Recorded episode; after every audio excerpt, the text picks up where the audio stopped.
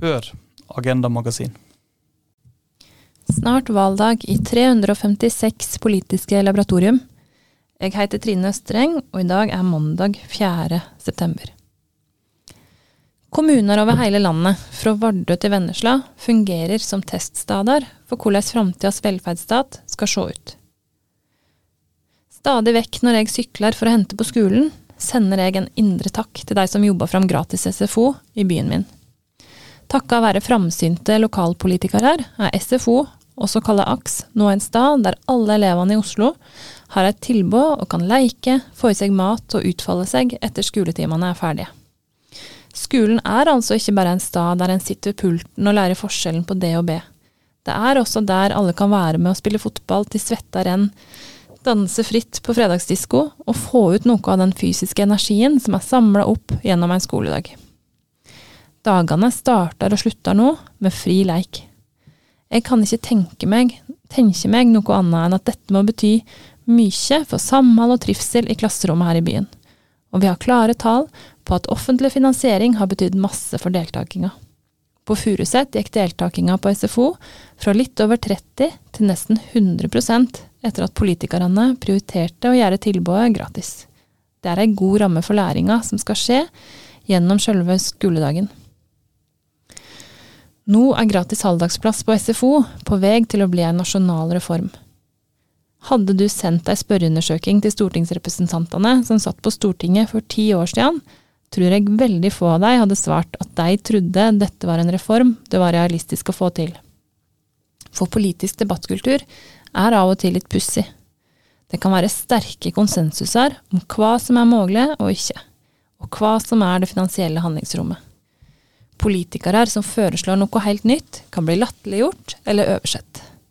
Og så kan det plutselig endre seg. Ved at noen innfører en ny ordning i en kommune, kan flere kommuner bli inspirerte og følge etter.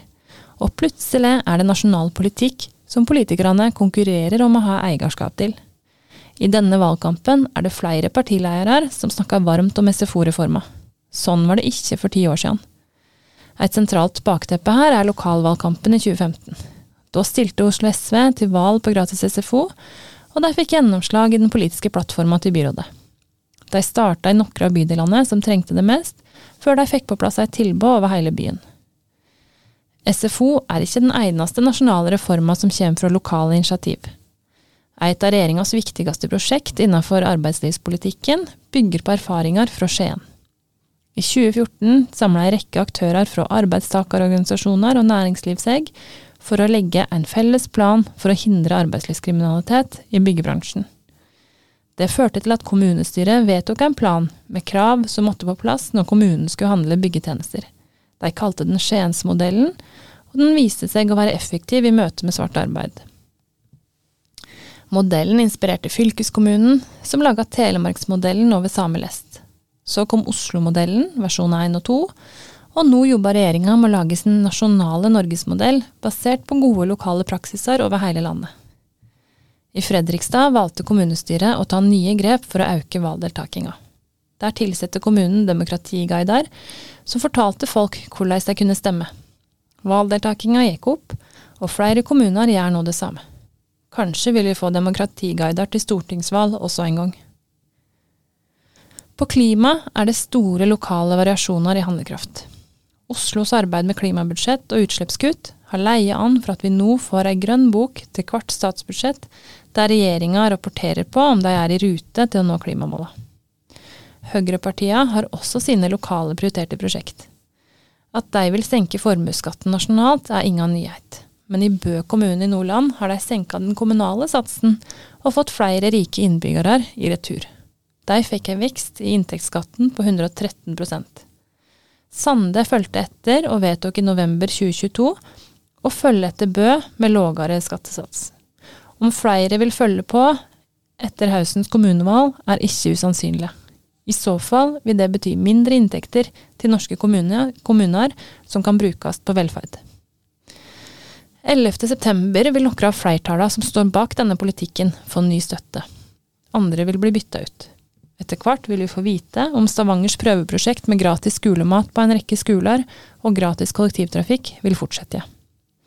I Bergen vil vi få svar på om sosialhjelpssatsene vil fortsette veien opp mot SIFO-nivå, eller om de går ned igjen til nasjonalt nivå. I Rauma får vi se om de viderefører tilbudet om gratis simming for førsteklassinger. Vikens prøveprosjekt med innført gratis bind og tamponger på flere skoler kan bli utvida eller lagt på hylla. Uansett utfall bør de nasjonale politikerne og de nasjonale media følge med på den lokale politikkutviklinga i de ulike kommunene. De kan gi oss nye svar på hva vi bør gjøre nasjonalt også. SFO-reforma er et av flere eksempel på det.